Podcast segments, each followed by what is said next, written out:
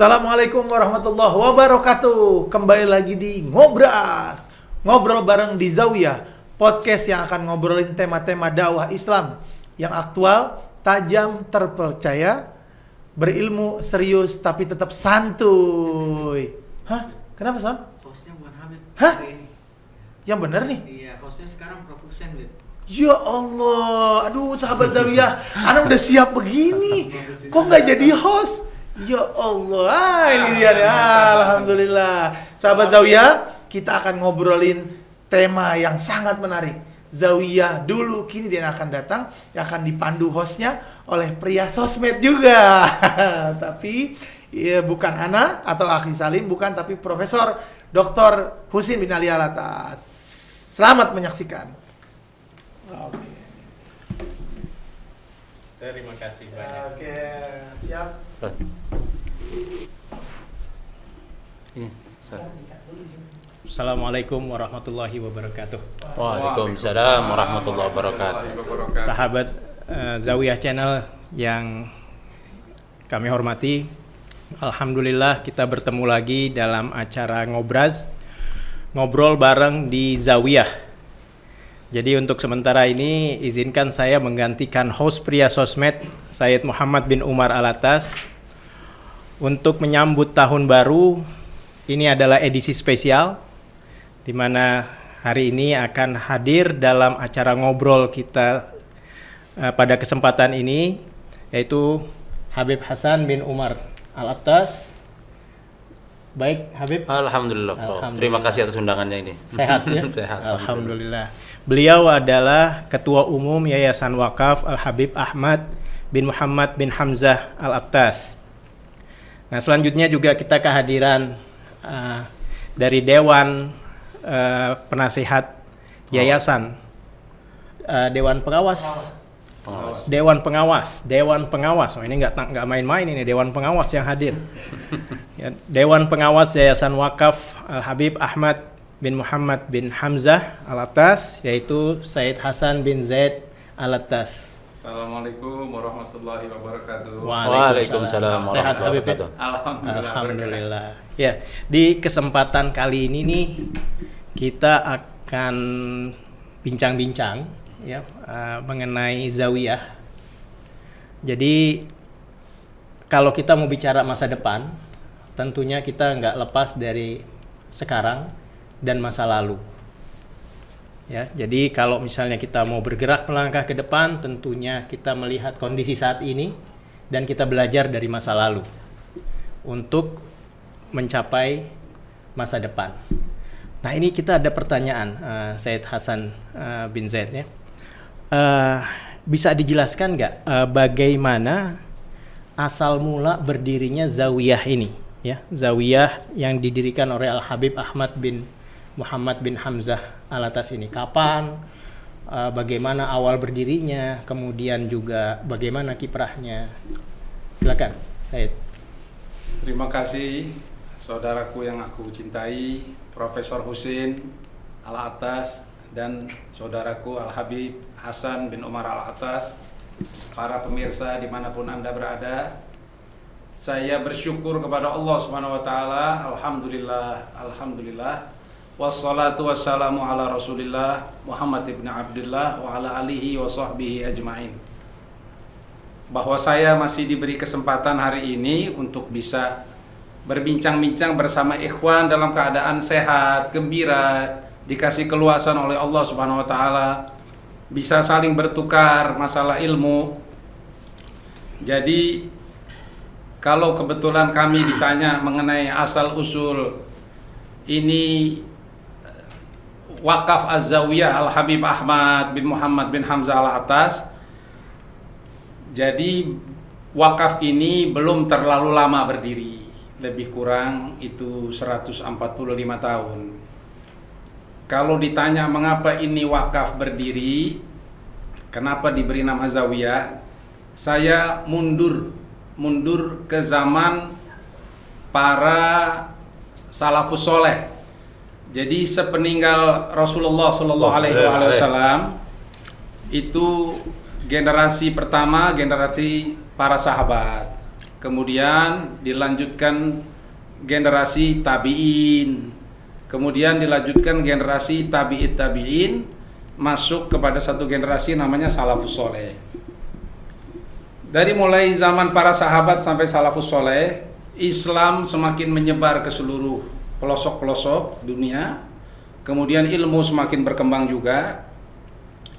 Ulama makin memahami bahwa di dalam Al-Quran dan As-Sunnah yang di, dibawakan oleh Rasulullah Sallallahu Alaihi Wasallam itu tingkatan iman seseorang itu bertingkat-tingkat mulai dari muslim, kemudian mukmin, kemudian muhsin, kemudian muttaqin dan level tertinggi itu muqarrabin atau levelnya para malaikat level muqarrabin.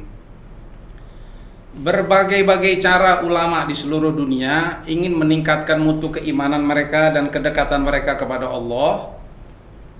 Timbullah banyak torigoh-torigoh jalan untuk bagaimana meningkatkan magom dari magom seorang muslim itu menjadi seorang mukorrobin.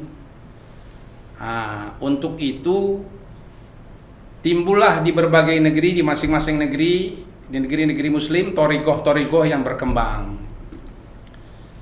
Rata-rata semua torigoh-torigoh tadi yang didirikan oleh muasisnya itu torigoh-torigoh tadi itu maaf boleh saya katakan itu berat karena mereka wajib mengambil sumpah bayat kepada gurunya, sumpah setia kepada gurunya dan berjanji tidak akan keluar dari torigoh tadi. Kemudian eh, dengan paket-paket zikir yang sangat berat dan banyak bahkan ada yang sampai khalwat 40 hari itu torigoh-torigoh tadi berjalan. Jalan untuk menuju Allah itu banyak tidak hanya melalui zikir melalui akhlakul karimah melalui tawadu kesabaran yang tinggi banyak sekali. Dari karangan keturunan Rasulullah Sallallahu Alaihi Wasallam yang masuk ke Hadramaut ada seorang mulia yang memiliki ilmu yang luar biasa dengan akhlakul karimah ibadah yang luar biasa. Beliau dinamakan As-Sayyid Muhammad bin Ali Ba'alawi atau di, lebih dikenal dengan nama Al-Faqihil Mugaddam jadi kenapa dinamakan Al-Faqihil Mugaddam karena pengetahuan beliau urusan ilmu fikih ini memang mumpuni betul pakar pada bidangnya dari semua mazhab. Kemudian akhlak beliau luar biasa, ilmu zahir dan batin beliau kuasai. Maka dia beliau radhiyallahu anhu ini Al Sayyidin Al Faqil Mugaddam menjadi pimpinan ulama di zamannya. Beliau menyadari bahwa jalan torigoh-torigoh ini itu untuk menaikkan magom itu tidak semua manusia mampu menaikkan level mereka menjadi torigotul mukorrobin kelas mukorrobin oleh sebab itu Sayyidina Al-Faqih Al-Muqaddam lebih menekankan mengikuti untuk menaikkan magom tadi mengikuti akhlaknya Rasulullah Oh, eh, sunnah-sunnah yang ringan tadi kewajiban-kewajiban yang tentu memang harus dilaksanakan dan tidak berat zikir-zikir yang tidak berat oleh anak keturunan beliau, cara-cara ini diteruskan. Tetapi tidak semua anak keturunan beliau Sayyidina Al-Faqihil Mugaddam ini mampu menampilkan dan mempromosikan dirinya. Karena rata-rata itu ulama-ulama tadi yang memakai caranya Sayyidina Al-Faqihil Mugaddam ini begitu tawaduknya sampai dia enggan untuk bicara Akhirnya alhamdulillahirabbil alamin Allah kurniakan kita semua dengan lahirnya seorang mulia namanya Al Habib Abdullah bin Alwi bin Muhammad Al Haddad. Beliaulah beliaulah yang pertama kali berani mengarang buku dan mempromosikan Torigoh Torigoh Alawiyah ini. Beliau tidak menamakan Torigoh ini Torigotul Mukorrobin karena Torigotul Mukorrobin kelas para malaikat itu berat. Jadi dia menamakan uh, bahwa Torigo ini namanya Torigo Ashabul Yamin. Anda tidak perlu sampai berhalwat berhari-hari mengurung diri berzikir untuk mencapai kelas malaikat. asal Anda mampu antara maghrib dan isya saja, maghrib dan isya Anda berzikir, itu saja sebenarnya sudah cukup. Habib Abdullah bin Alwi Al-Haddad memiliki murid namanya Al-Habib Ahmad bin Zain Al-Habsyi, ada beberapa murid lagi juga. Membawa pesan-pesan dari beliau. Kemudian dua atau tiga generasi sesudah beliau itu muncul tujuh orang bernama Abdullah. Jadi di Hadramaut tadi muncul tujuh orang bernama Abdullah. Uh, saya sebutkan satu-satu ya. Abdullah bin Abu Bakar Aidid, Abdullah bin Husin bin Tohir, Abdullah bin Umar bin Yahya. Ini Habib Abdullah bin Umar bin Yahya pernah ke Indonesia sebentar tapi kemudian kembali lagi. Kemudian Habib Abdullah bin Ali bin Syahab, Abdullah bin Ahmad Basaudan, kemudian Abdullah bin Husin bin Fagih, dan Sayyidina Abdullah bin Sumer. Abdullah bin Sumer itu kalau saya tidak salah beliau khalnya Habib Usman bin Yahya Mufti Jakarta. Tujuh nama Abdullah ini menyebarkan cara berpikirnya Habib Abdullah bin Alwi Al-Haddad, promosi-promosi Torigo Alawiyahnya. Karena Torigo Alawiyah ini zikirnya ringan, tidak berat, dan kemudian tanpa ambil bayat sumpah, akhirnya Torigo Alawiyah ini dengan mudah dengan kecepatan tinggi berkembang pesat ke seluruh dunia. Beliau mengajarkan Habib Abdullah bin Alwi Al-Haddad ini mengajarkan Anda tidak perlu menjadi seorang ulama besar untuk mengajarkan agama Islam.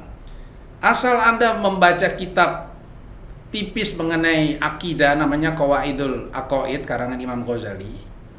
Kemudian kitab-kitab fikih ringan seperti yang sekarang itu ada Sulamut Taufik, ada Safinatun Najah, itu kitab-kitab fikih ringan itu hasil pemikiran Habib Abdullah bin Alwi Al-Haddad yang diteruskan kepada generasi berikutnya. Anda bisa baca ratib, Anda sudah diizinkan untuk mengajar orang lain. Insyaallah ya. Tidak perlu menjadi ulama besar untuk mengajari orang lain.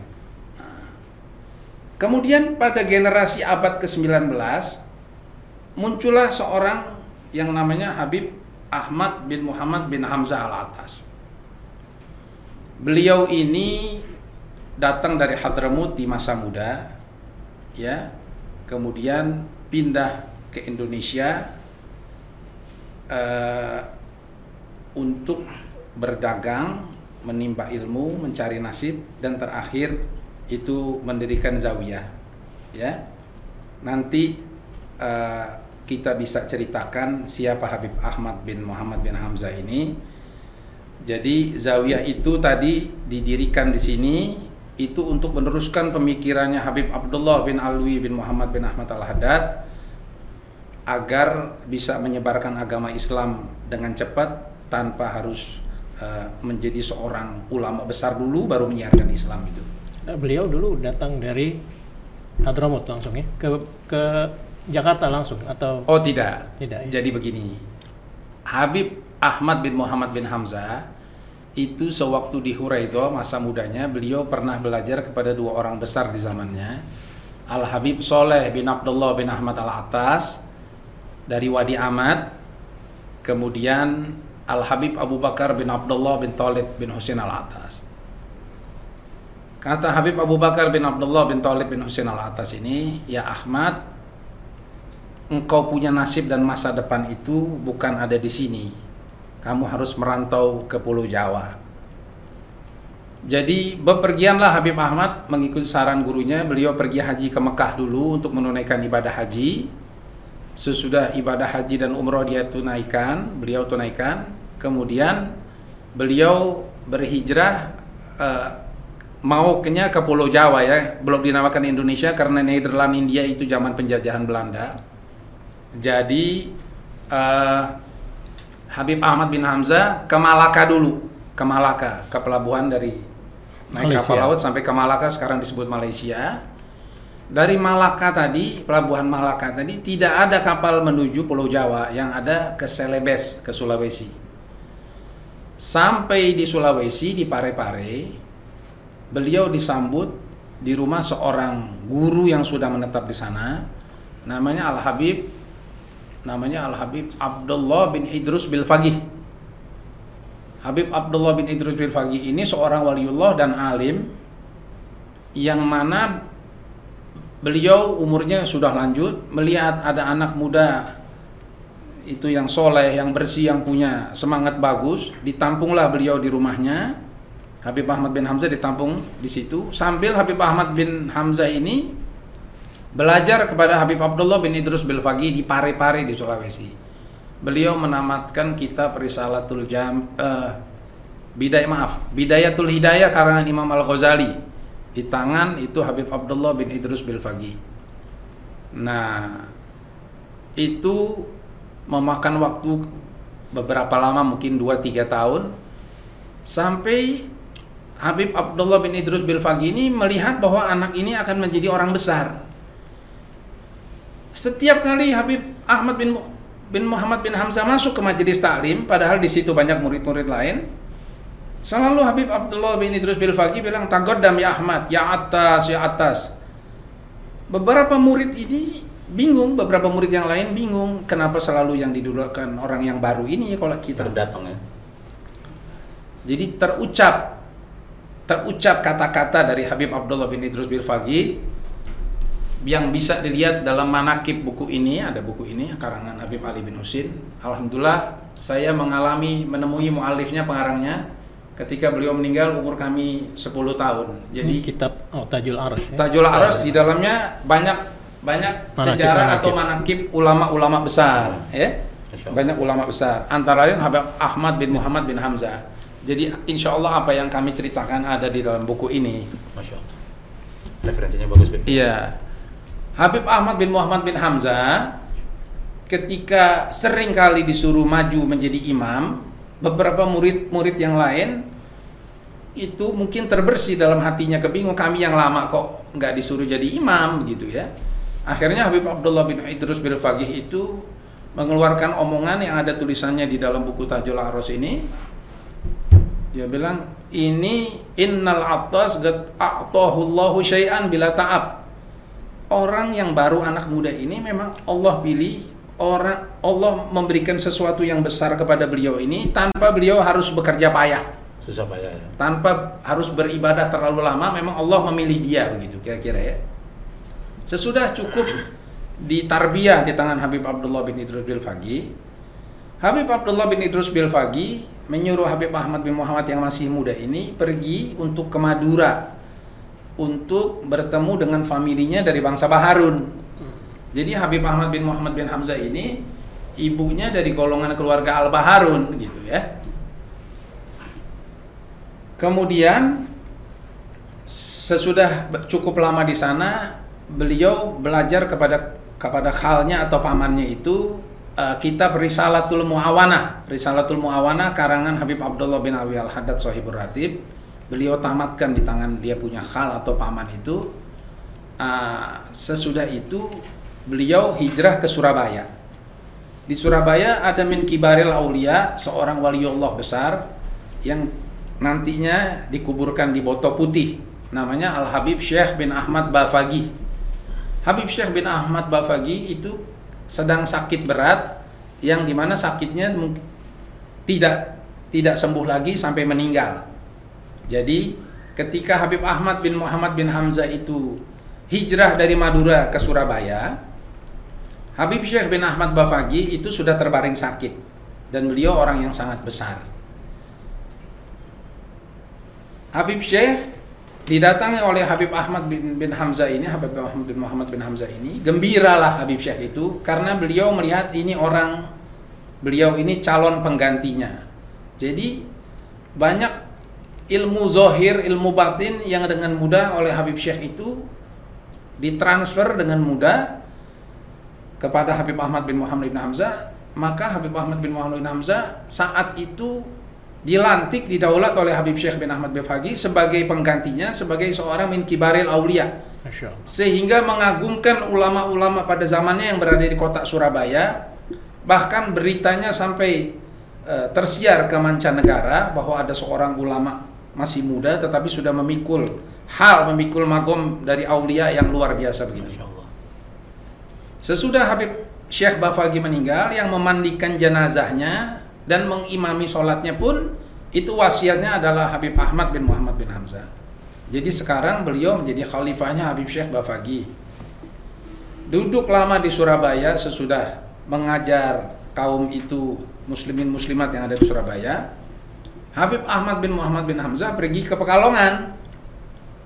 Di Pekalongan beliau duduk dan mengajar di Masjid Wakaf, di Masjid Wakaf yang selalu sampai hari ini tiap tahun dipakai untuk rame-rame masyarakat muslimin muslimat mungkin ribuan sholat nisfu sya'ban di situ. Masih Dulu ada ya? Masih ada. Masjid itu masih ada ya.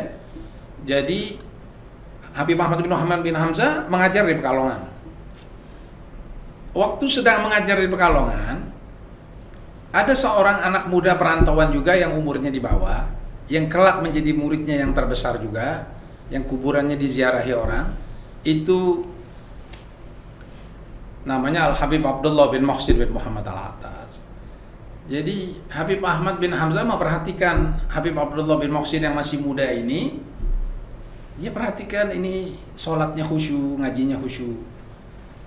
Rupanya Habib Ahmad bin Muhammad bin Hamzah berharap agar Habib Abdullah belajar kepadanya.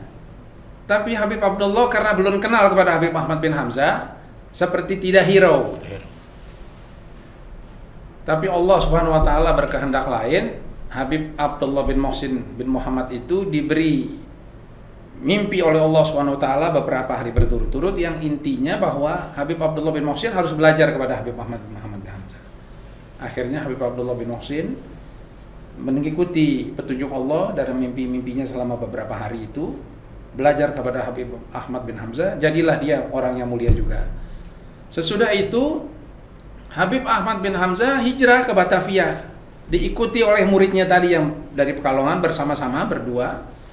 Habib Ahmad bin Muhammad bin Hamzah pergi ke Pekojan. Ke sini tempat ini Pekojan ya. Dan mendirikanlah masjid wakaf ini tapi bukan masjid jame ya. Kalau masjid jame itu dipakai sholat jumat. Masjid wakaf zawiyah ini azan lima kali sehari banyak orang sholat berjamaah di sini tapi tidak menyaingi masjid an nawir karena masjid an nawir itu dipakai untuk sholat jumat. Dipakai untuk sholat jumat. Di sini azan lima kali tapi tidak sholat jumat. Supaya tetap kesatuan muslimin muslimat itu berkumpul di masjid an nawir Ketika mendirikan ini bersama-sama Habib Abdullah bin Muhsin, beliau berniat untuk menyebarkan Toriqoh Halawiyah. Jadi belajar akidah ahli sunnah wal jamaah dari dalam kitab Qawaidul Aqaid karangan Imam Al Ghazali. Buku itu sudah diterjemahkan menjadi akidah bukan ahli bid'ah. Itu uh, bisa dibeli di toko-toko. Kemudian kitab-kitab fikih ringan rukun sholat, toharoh, dan semuanya tuh ya puasa, zakat, saum, haji, umroh itu di dalam buku-buku seperti itu serta akhlakul karimah diajarkan. Jadi Habib Abdullah bin Muhsin dari Bogor membantu Habib Ahmad bin Hamzah mendirikan bangunan ini ditambah juga menggali sumur di bawah. Alhamdulillah salah satu peninggalan beliau itu sumur barokah ini sampai hari ini Masya Allah Tabarakallah airnya tidak pernah kering. Di saat di mana tempat-tempat lain kering, di sini airnya tidak kering dan ramai manusia mengambil air dari sumur ini. Kalau saya tidak salah dari yang pernah kami dengar dari guru-guru kami dan orang-orang tua kami, itu sumur yang di bawah ini, yang di dalam Masjid Wakaf Zawiyah itu, yang menggali itu Habib Ahmad bin Hamzah sendiri ikut menggali, dibantu oleh muridnya yaitu Habib Abdullah bin Muhsin bin Muhammad Al Atas yang sekarang dikubur di Bogor. Kemudian kedatangan teman Habib Ahmad bin Hamzah dari Hadramut namanya Habib Hasan bin Abdullah bin Ali Al Atas, tapi beliau pulang lagi ke Hadramut. Ditambah ada donasi, donasi dari banyak banyak orang Al Atas itu zaman itu yang mungkin ada antara lain masih keluarga kakek kami yaitu Habib Alwi bin Abdullah bin Muhsin bin Abu Bakar al Atas ikut mendonasikan pembangunan wakaf Zawiyah ini.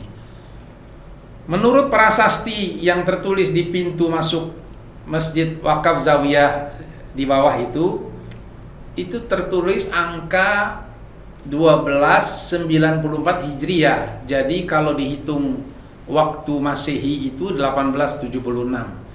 Masehi itu tahun 1876 resmi berdiri pembangunan Masjid Zawiyah itu kira-kira begitu. Masya Allah, Masya Allah. Perjalanannya luar biasa ya, Iya. Syed Hasan ya. Iya. Ini kira-kira nih buat buat sahabat Zawiyah ini ya, buat sahabat Zawiyah channel ini yang yang kebanyakan milenial. Iya. Kira-kira sosok dari Al Habib Ahmad bin Muhammad bin Hamzah ini dari Alatas ini dari sisi akhlak, dari sisi keseng- kesungguhan belajar itu kira-kira bagaimana tuh Syed Hasan? Masya Allah, tabarakallah, beliau seorang yang ikhlas zuhud ya. Beliau ketika membuka madrasah ini di zaman penjajahan Belanda, karena perizinan untuk membuka sekolah itu sulit di zaman Belanda, maka namanya bukan madrasah atau sekolah, tapi dia beri nama zawiyah. Zawiyah itu kalau bahasa Arab diterjemahkan ke bahasa Indonesia, zawiyah itu corner, pojok kecil yang Pojok tidak kecil. tidak dilihat orang Oke. Sudut atau pojok kecil yang tidak dilihat orang. Jadi beliau dengan rendah hati menamakan tempat penyebaran ilmu ini pojok kecil atau zawiyah itu. Dari situ murid-murid yang datang tidak dipungut biaya dan beliau gigih mengikhlaskan ilmunya, mengajarkan tarbiyah-tarbiyah, pendidikan akhlakul karimah ke banyak orang. Dengan lillahi ta'ala bahkan tidak tanggung-tanggung mendirikan beberapa rumah-rumah wakaf dari sini dekat-dekat sini itu untuk membiayai perjalanan wakaf ini. Wakaf zawi ini jangan sampai merepotkan orang lain. Ya. begitu jangan sampai merepotkan orang lain. Nah saya kira ulama yang ikhlas bahkan hartanya dia bagi-bagikan ilmunya dan waktunya dia bagi-bagikan sampai meninggalkan sanak familinya di tempat lain begitu itu sosok yang luar biasa Luar ya, biasa, yang Masya Allah. patut Kata, kata kuncinya itu di keikhlasan. di keikhlasan di ya. keikhlasan Iya. terus kemudian tadi di kemauan untuk berkorban Iya. ya tadi Iya. kan mengkorban apa eh, men- apa mensedekahkan hartanya buat apa jalan ilmu dan yang lain sebagainya itu ya Iya, kunci kunci kuncinya. utama sehingga beliau mendapatkan makom yang tinggi eh, Betul. sedemikian rupa ya. betul betul sekali Iya. Eh, jadi kalau dihitung-hitung 1876 ya berarti udah 145 tahun ya. betul 145 tahun kalau dihitung mundur lagi ke saat Habib eh, Ahmad bin Hamzah ini datang ke Indonesia Iya. ke, ke ke Sulawesi ke Iya. Malaka itu mungkin lebih lebih awal lagi ya Oh, iya. bisa bisa Betul. bisa hampir mendekati 170 tahun mungkin Ada yang saya ingin tambahkan sedikit di luar konteks ini. Eh, waktu Belanda menjajah Indonesia itu, Belanda duduk di sini. Dia namakan negeri-negeri ini Nederlandia. Itu sebelum Belanda duduk di sini, eh, raja-raja Hindu, mungkin Majapahit, itu Raja Pajajaran atau banyak kera- ke- kerajaan-kerajaan Indonesia itu sudah mempunyai proses perdagangan. Oleh sebab itu, jadi di eh, pelab di Jayakarta Jakarta ini yang sebelumnya Jakarta bernama Batavia, sebelum Batavia bernama Sunda Kelapa. Itu udah ada pelabuhan alam yang kita sebut sekarang pelabuhan alam Tanjung Priuk. Tanjung Priuk itu pelabuhan alami, pelabuhan kelapa di zaman kerajaan Pajajaran, Tarumanegara itu dinamakan pelabuhan kelapa. Ya tapi belum dibangun secara modern, secara dengan bendungan-bendungan, jalur-jalur kapal, pintu gerbang. Jadi pelabuhan Kelapa itu pelabuhan alami. Sampai akhirnya Belanda melihat bahwa keluar keluar masuk kapal laut itu eh, animonya atau jumlahnya itu sangat banyak akumulasinya tuh keluar masuk kapal itu sangat banyak. Akhirnya eh, perusahaan pelayaran Belanda pertama yang kuat itu namanya KPM. KPM itu Koning Pak Paket Fart Maskapai lah lebih kurang begitu. KPM itu perusahaan pelayaran Belanda. Pada tahun 1870 membangun pertama kali Pelabuhan Tanjung Priok yang dulu namanya Pelabuhan Kelapa itu dibangun Pelabuhan Tanjung Priok dengan pembangunan pelabuhan sistem modern. Jadi pelabuhan Tanjung Priok itu dengan sistem modern itu seperti di Nederland, di Inggris, di mana-mana itu berdiri tahun 1870. Dengan berdirinya itu pelabuhan yang luar biasa besar dan bagus, kapal-kapal uap, kapal-kapal mesin besar, kapal-kapal uap yang bisa mengangkut ribuan penumpang itu bisa masuk mendarat sampai bersandar ke pelabuhan. Efek dari berdirinya pelabuhan Tanjung Priok yang yang bagus dengan manajemen pintu gerbang keluar masuknya kapal itu yang bagus, kapal-kapal besar bisa masuk. Begitu juga membawa pendatang-pendatang dari luar negeri, penyebar-penyebar Islam dari negeri Arab atau dari India atau dari Malaysia, dari mana saja orang-orang datang berdagang itu atau mau menyiarkan Islam atau ada tujuan lain, itu arus pendatang ini semakin banyak. Kalau dilihat tahunnya dari angka 1870, 1870 itu pelabuhan selesai dibuat dan ini wakaf berdiri Zawiya. 1876, waktunya itu lebih kurang 6 Enam tahun. tahun. Jadi saya kira tahun itu tahun itu adalah tahun masuknya dari luar negeri semakin banyak ulama-ulama penyebar Islam ke Indonesia karena pengaruh pelabuhan ini.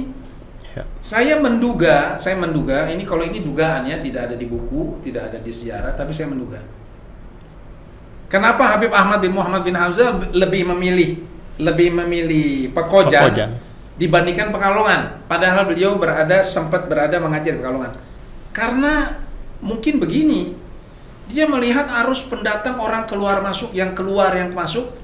Ini dulu tempat ini tempat ramai dikunjungi muslimin muslimat tempat transit. tempat transit dan tempat strategis untuk bikin madrasah dan penyiaran Islam. Masya Iya, Allah. Begitulah kira-kira pendapat kami pribadi. Jadi visioner ya. Iya, visioner ya, visioner.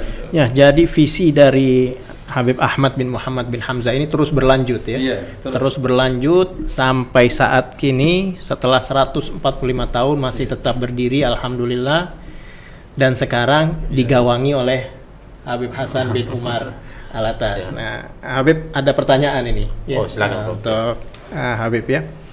Eh, jadi udah ha- tadi dikatakan hampir berusia di 150 tahun ya.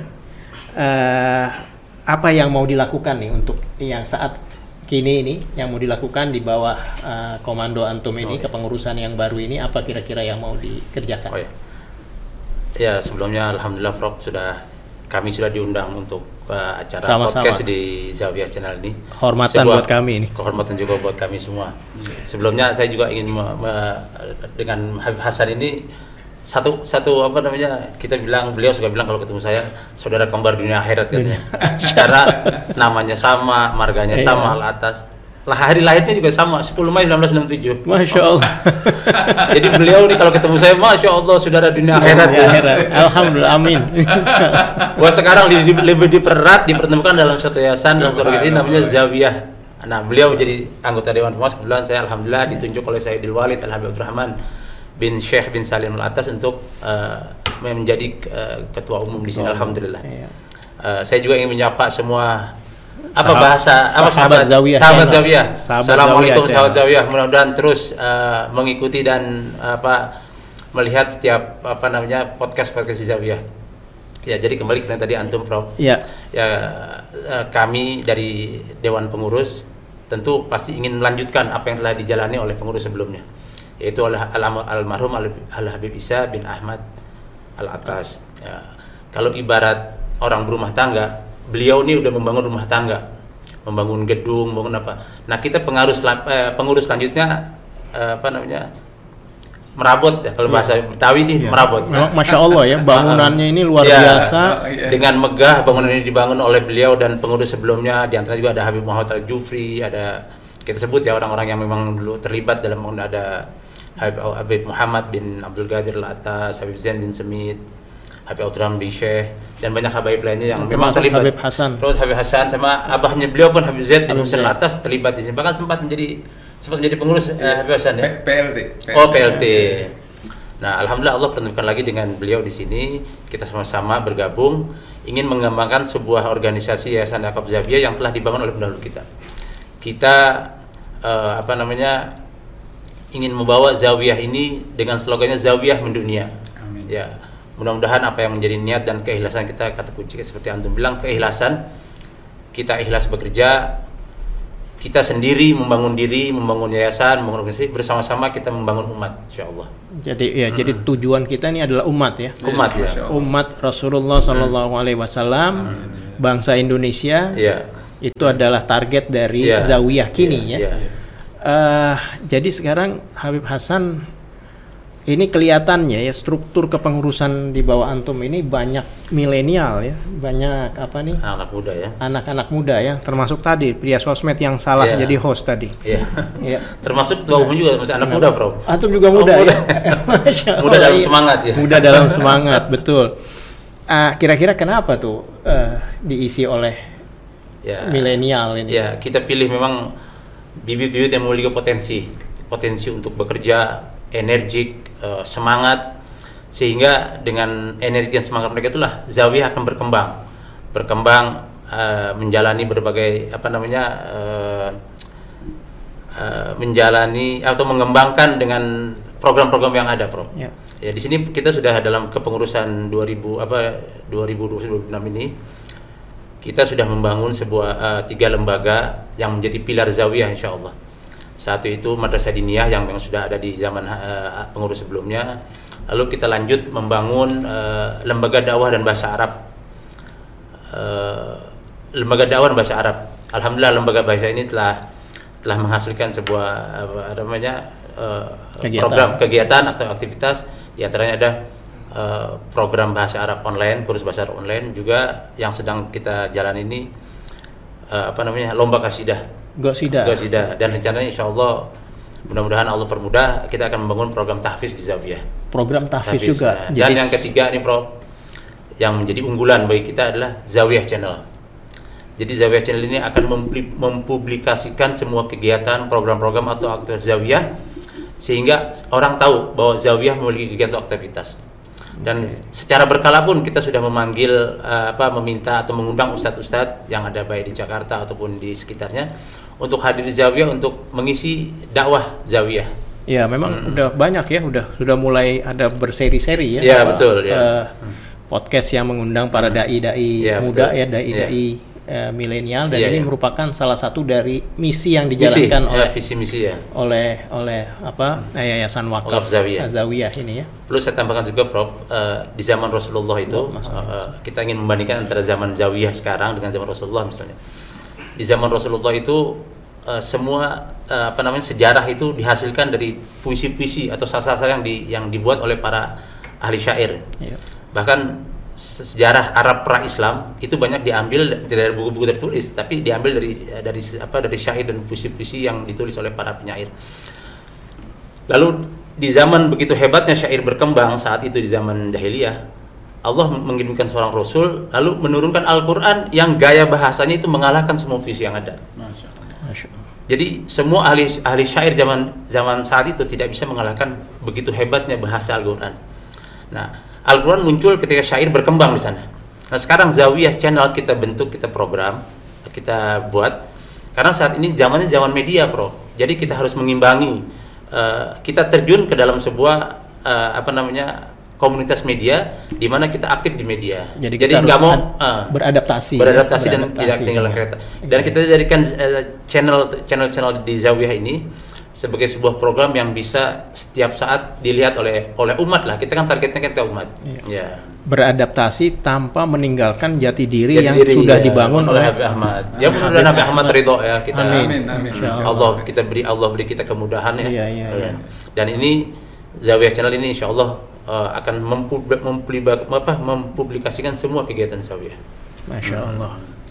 Jadi ini juga kalau dengar-dengar ceritanya juga ya, apa pembangunan apa gedung ini, masya Allah ya megah, eh, b- banyak kelas Ya, tiga lantai, madrasah Hmm. diniyah, Hmm. sampai juga bisa berdiri studio eh, apa Zawiyah Iya. channel Iya. sekarang ya, sampai akhirnya kita bisa ketemu bertiga Iya, betul, di sini. Nah, sebetulnya nih eh, saya juga harus harus apa mengaku juga nih ya bahwa saya di sini juga diamanatkan oleh Habib Hasan bin Umar untuk membantu beliau nih dalam apa? Dalam eh, mengembangkan apa yang sudah diwariskan oleh eh, Habib Ahmad bin Muhammad bin Hamzah. Jadi kalau dengar dari cerita Said Hasan bin Zaid tadi, ciri utama zawiyah ini sebetulnya ilmu ya Iya, ilmu. ilmu dan adab ya ilmu dan adab itu adalah ciri utama dari eh, zawiyah ini dan itu memang yang harus benar-benar tetap kita apa Iya. eh, apa pertahankan Iya. untuk eh, ke depannya ya Iya. eh, ke masa yang akan datang ya Perlu saya, saya tambahkan juga Prof, eh, aktivitas pendidikan di Zawiyah itu di samping ada madrasah dini, dinia, juga setiap malam kita aktivitas nggak pernah 24 bisa Bo- bo- boleh dikata 24 jam 24 ada jam ya, kegiatan karena lah. ada juga yang sholat. Iya, yang sholat, yang datang kita tidak tutup pintu. Tapi ada kegiatan yang secara rutin dijalankan. Di sini ada Ustadz Khalid eh, Zubaidi, terus ada Muhammad Zubaidi, ada juga keluarga ada Ustazah Zubaida. Semua mereka memiliki murid eh, dan apa namanya kelas di Zawiyah ini. Setiap malam ada kegiatan pengajian. Iya, iya. Malam Jumat itu anak-anak kurang lebih bisa 120 anak-anak antara SD SMP ya. yang tinggal di sekitar Zawiyah atau di, seki- eh, di sekitar Zawiyah di Pekojan itu mereka ada kegiatan pengajian di sini malam Jumat bahkan pengajian rati Itu program-program ya? ya Program itu majelis program yang sudah berjalan lama Iya. itu. Oke, program-program ini kan menyasar eh, berbagai golongan ya, Iya. apa dari tingkat dari umur, Iya. dari gender ya. Iya, Jadi betul. baik laki ataupun perempuan juga difasilitasi Iya. lewat program-program. program ini bahkan ada satu kelas kelas yang diadakan di malam hari itu eh, ada kelas karyawan untuk khusus untuk eh, ibu-ibu yang bekerja siang dia Oh. kepengen mendapatkan apa bahasanya siraman rohani Pesertanya dari mana aja tuh? ya peserta sekitar Pekojan lah yang Pekojan ya. eh, iya. Ada juga nggak yang dari daerah apa eh, luar Pekojan? Oh gitu? banyak, Ada juga banyak, ya. banyak ya. Iya. Bahkan saya sendiri dari Condet hadir ke Pekojan. Oh, betul. Habib Hasan dari Condet datang ke Pekojan juga. Prof Husin dari Bogor kan? dari Bogor. Anda mau tanya sama antum, Bro. Iya. Ini untuk mencapai roadmap atau milestone yang koridor-koridor yang Habib Hasan bin Umar dan antum perencanakan untuk masa depan, Ya. gimana caranya? Caranya, ya pertama modal utama kita ini kesungguhan, ya kerja keras, kemudian mau berjalan bersama. Hmm. Nah, jadi alhamdulillah di bawah kepemimpinan Habib Hasan bin Umar ini kita bisa sederap berjalan uh, menuju ke apa nih menuju ke masa depan ya. dengan tetap membawa apa yang dicita-citakan, apa yang divisikan oleh Al Habib Ahmad bin Muhammad bin Hamzah. Hamzah ini ya. Dari sisi keilmuan dari sisi eh, adab ya. Nah oleh karena itu eh, sesuai dengan masa kekinian ya sesuai dengan masa kekinian ini ya kita mau tidak mau eh, yang seperti tadi Habib Hasan bin Umar katakan bahwa kita harus beradaptasi dengan teknologi. Ya jadi kita eh, berharap nanti milestone-milestone yang ada itu di antaranya kan sekarang berdirinya lembaga dakwah dan bahasa Arab. Ya ke depan itu kita harapkan lembaga dan lembaga dakwah dan bahasa Arab ini akan menjadi tulang punggung dari eh, zawiyah ya dalam hal kebermanfaatan buat umat. Di samping tentunya madrasah diniyah Betul, Bro. Nah, madrasah diniyah ini untuk ke depannya itu sangat krusial, sangat penting. Kenapa sangat penting? Karena kita tahu bahwa dengan kemajuan teknologi sekarang ini yang luar biasa cepat, ya, kemerosotan akhlak itu berlangsung juga dengan cepat. Nah, sementara kita di Zawiyah ini percaya bahwa mudarat kemudaratan yang ditimbulkan oleh teknologi itu harus diimbangi oleh teknologi juga. Iya. Ya, nah oleh karena itulah ke depannya Zawiyah ini terutama lewat Zawiyah Channel akan lebih mengembangkan lagi dakwah-dakwah yang bersifat milenial, Berbasis media ya. berbasis eh, apa? Berbasis media yang mencapai generasi muda. Karena generasi muda ini yang harapan kita kan ke depannya harapan bangsa kita ini Betul. bangsa Betul bangsa. Indonesia dan umat Islam Iya. eh, secara khusus. Nah, kemudian juga eh kita ini punya tadi ibaratnya ini dua sayap ini sebetulnya dengan engine dengan mesin zawiyah zawiyah channel ini sayapnya itu adalah madrasah diniyah dan lembaga dakwah dan bahasa Arab. Masya Allah. Nah, ini dua ini akan menjadi ciri utama dari zawiyah di masa depan ya di mana LDBA dengan fungsinya sebagai lembaga dakwah dan pengembangan bahasa Arab itu menjadi kita berharap menjadi tempat orang merujuk, Masya tempat menjadi tempat orang bersatu Kabul, Allah. maktub yang Allah. dipererat oleh Zawiyah Channel. Nah, demikian juga dengan madrasah diniyah. Ya. Anak-anak kita di sekolah-sekolah umum benar mereka mendapatkan pendidikan agama. Tetapi harus diakui porsinya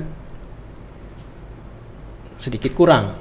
Nah, oleh karena itu kehadiran madrasah diniyah ini sebagai sebuah lembaga informal pendidikan itu diharapkan akan mengisi Iya. eh, kekosongan tersebut dan utamanya kita adalah eh, mengusung program yang mengedepankan eh, akhlakul karimah karimah. ya terutama birrul walidain apa eh, hormat pada orang tua faham siapa itu orang tua bagaimana memperlakukan orang tua mengapa karena mungkin kita sudah mafhum semuanya bahwa kunci sukses seorang anak itu adalah pada Ya, keridhaan orang tua. eh, orang tuanya. Nah, oleh dalam eh, dalam konteks itulah ke depan eh, Zawiyah akan turut mengambil Peran. perannya. Luar gitu saya rasa. Didoain ya. Mudah-mudahan ini kita dukung Habib Oh, Hasan bin. Umar ini Amin, eh, amin, supaya amin. bisa apa Ya. mewujudkan visi misi Misi, Prof. Zawiyah mendunia. Ah, saya bukan hanya melihat bahwa antum semua dengan niat yang begitu baik akan didukung oleh banyak orang ya tetapi juga apa namanya eh, geraknya ini zawiyah bangkitnya ini zawiyah akan memotori organisasi-organisasi Oh, Allah. untuk untuk maju bergerak Ada. seperti antum Iya. semua Ya, ini Masya Allah. Ada satu satu cita-cita kita nih yang mudah-mudahan kita minta dari para pemirsa Zawiyah Channel itu tu- untuk turut mendoakan bahwa mudah-mudahan nanti produk-produk dari Zawiyah Channel ini akan mengisi kantong-kantong para generasi muda. Ya karena apa konten-konten yang dibuat ya. Iya. Ya, mohon dukungan bahwa kita Amin, akan menjadi menjadikan program-program di Zawiyah Channel ini menjadi uh, pengganti dari uh, apa program-program ya yang mungkin kalau sebut bahasa milenial sekarang anfaedah. ya, Ya, kita beralih dari yang anfaedah Menjadi menjadi, faedah. faedah. Menjadi faedah. Nah, pemirsa Zawiyah Prof, mau tanya Ya. sedikit sama antum. foto, silakan. Ya, pemirsa Zawiyah, nah, Prof Husin ini adalah di samping sekarang menjadi host, beliau juga adalah wakil ketua umum membidangi organisasi dan pendidikan. Setelah tadi Prof antum mendengar eh, bahasan dari Habib Hasan bin Zaid dan anak saya sendiri, sebetulnya antum sebagai wali- wakil ketua umum ini atau orang yang terlibat dalam dalam Zawiyah, harapan antum itu Zawiyah di masa depan seperti apa, Prof? Kita kepengen dengar nih, terutama biar pemirsa Zawiyah atau sahabat Zawiyah juga tahu Iya, apa yang kita harapkan dari sebuah dari yayasan Zawiyah ini. yang di, yang saya pribadi harapkan dengan ikut berkecimpung di dalam yayasan uh, wakaf zawiyah ini adalah terciptanya masyarakat yang apa sesuai dengan apa yang diajarkan oleh baginda Allah uh, Rasulullah Shallallahu. Alaihi Wasallam. Ya, Hmm. mungkin dalam hal-hal yang kecil, ya Contohnya, dalam hal-hal yang kecil misalnya tadi dalam hal orang uh, bertegur sapa, Hmm. dalam hal orang menerima tamu dan yang lain sebagainya, itu saja. Itu terbentuk sebuah apa? Sebuah masyarakat yang memiliki karakteristik yang sesuai dengan apa yang diajarkan oleh baginda Nabi Allah Muhammad. Shallallahu Alaihi Wasallam. Itu bagi saya itu sudah merupakan sebuah keberhasilan. Mumtaz. Kenapa? Karena kalau itu bisa tercapai, ya maka sejarah sudah menunjukkan bahwa para sahabat, para tabiin, semuanya yang mengikuti jejak dari Rasulullah. baginda Rasul mampu mengubah dunia. Ya, jadi kita mau mengubah dunia itu sebetulnya mulai dari pribadi-pribadi yang Betul. Yang apa ya? Masing-masing sendiri ya. Masing-masing sendiri ya. Ya mungkin kalau bahasa saya tadi sendiri kita membangun zawiyah, bersama kita membangun umat. Betul. Kalau Habib Hasan sendiri gimana idenya? Apa harapannya kira-kira? Ya udah dilengkapi sama antum berdua semuanya saya nggak bisa nambahin lagi udah lengkap semua Salah sedikit boleh Habib. Iya. Boleh sedikit. enggak saya ingin berterima kasih aja kalau boleh melalui siaran ini Fadol. Eh, saya atas nama seluruh pengurus eh, Yayasan Wakaf Az-Zawiyah bin Hamzah ini dan seluruh keluarga besar Al Atas, seluruh kaum muslimin muslimat, saya berterima kasih kepada keluarga di sekitar masjid ini yang turun temurun ber- berpuluh tahun selalu dengan ikhlas memelihara masjid ini, menerima tamu-tamunya dan membantu mengajar dengan sukarela di sini.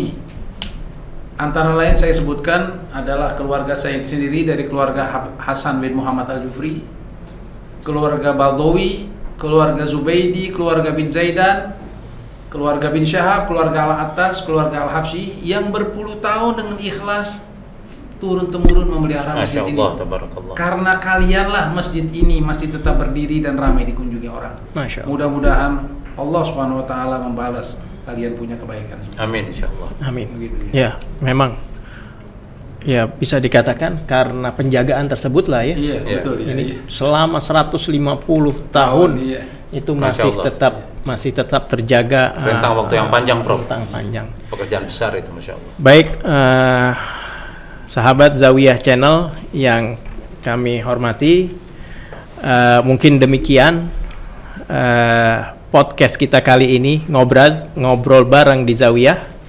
Mudah-mudahan kita akan menyambut tahun baru 2022 nanti dengan semangat baru, Amin. dengan tujuan-tujuan baru, dengan visi yang mendunia, dan juga dengan misi yang insya Allah Allah takdirkan bisa dilaksanakan.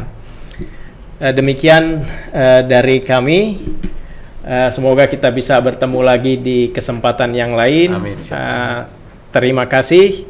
Dan sebelum menutup acara ini, kita minta Said Hasan dan Habib Hasan kita bersama-sama eh, menyebutkan yel-yel zawiyah. Iya. Kalau saya sebutkan eh, zawiyah, nanti jawabnya mendunia. Mendunia. Iya. Nah, tapi jangan jangan diharapkan apa tenaganya sama seperti pria sosmed ini ya.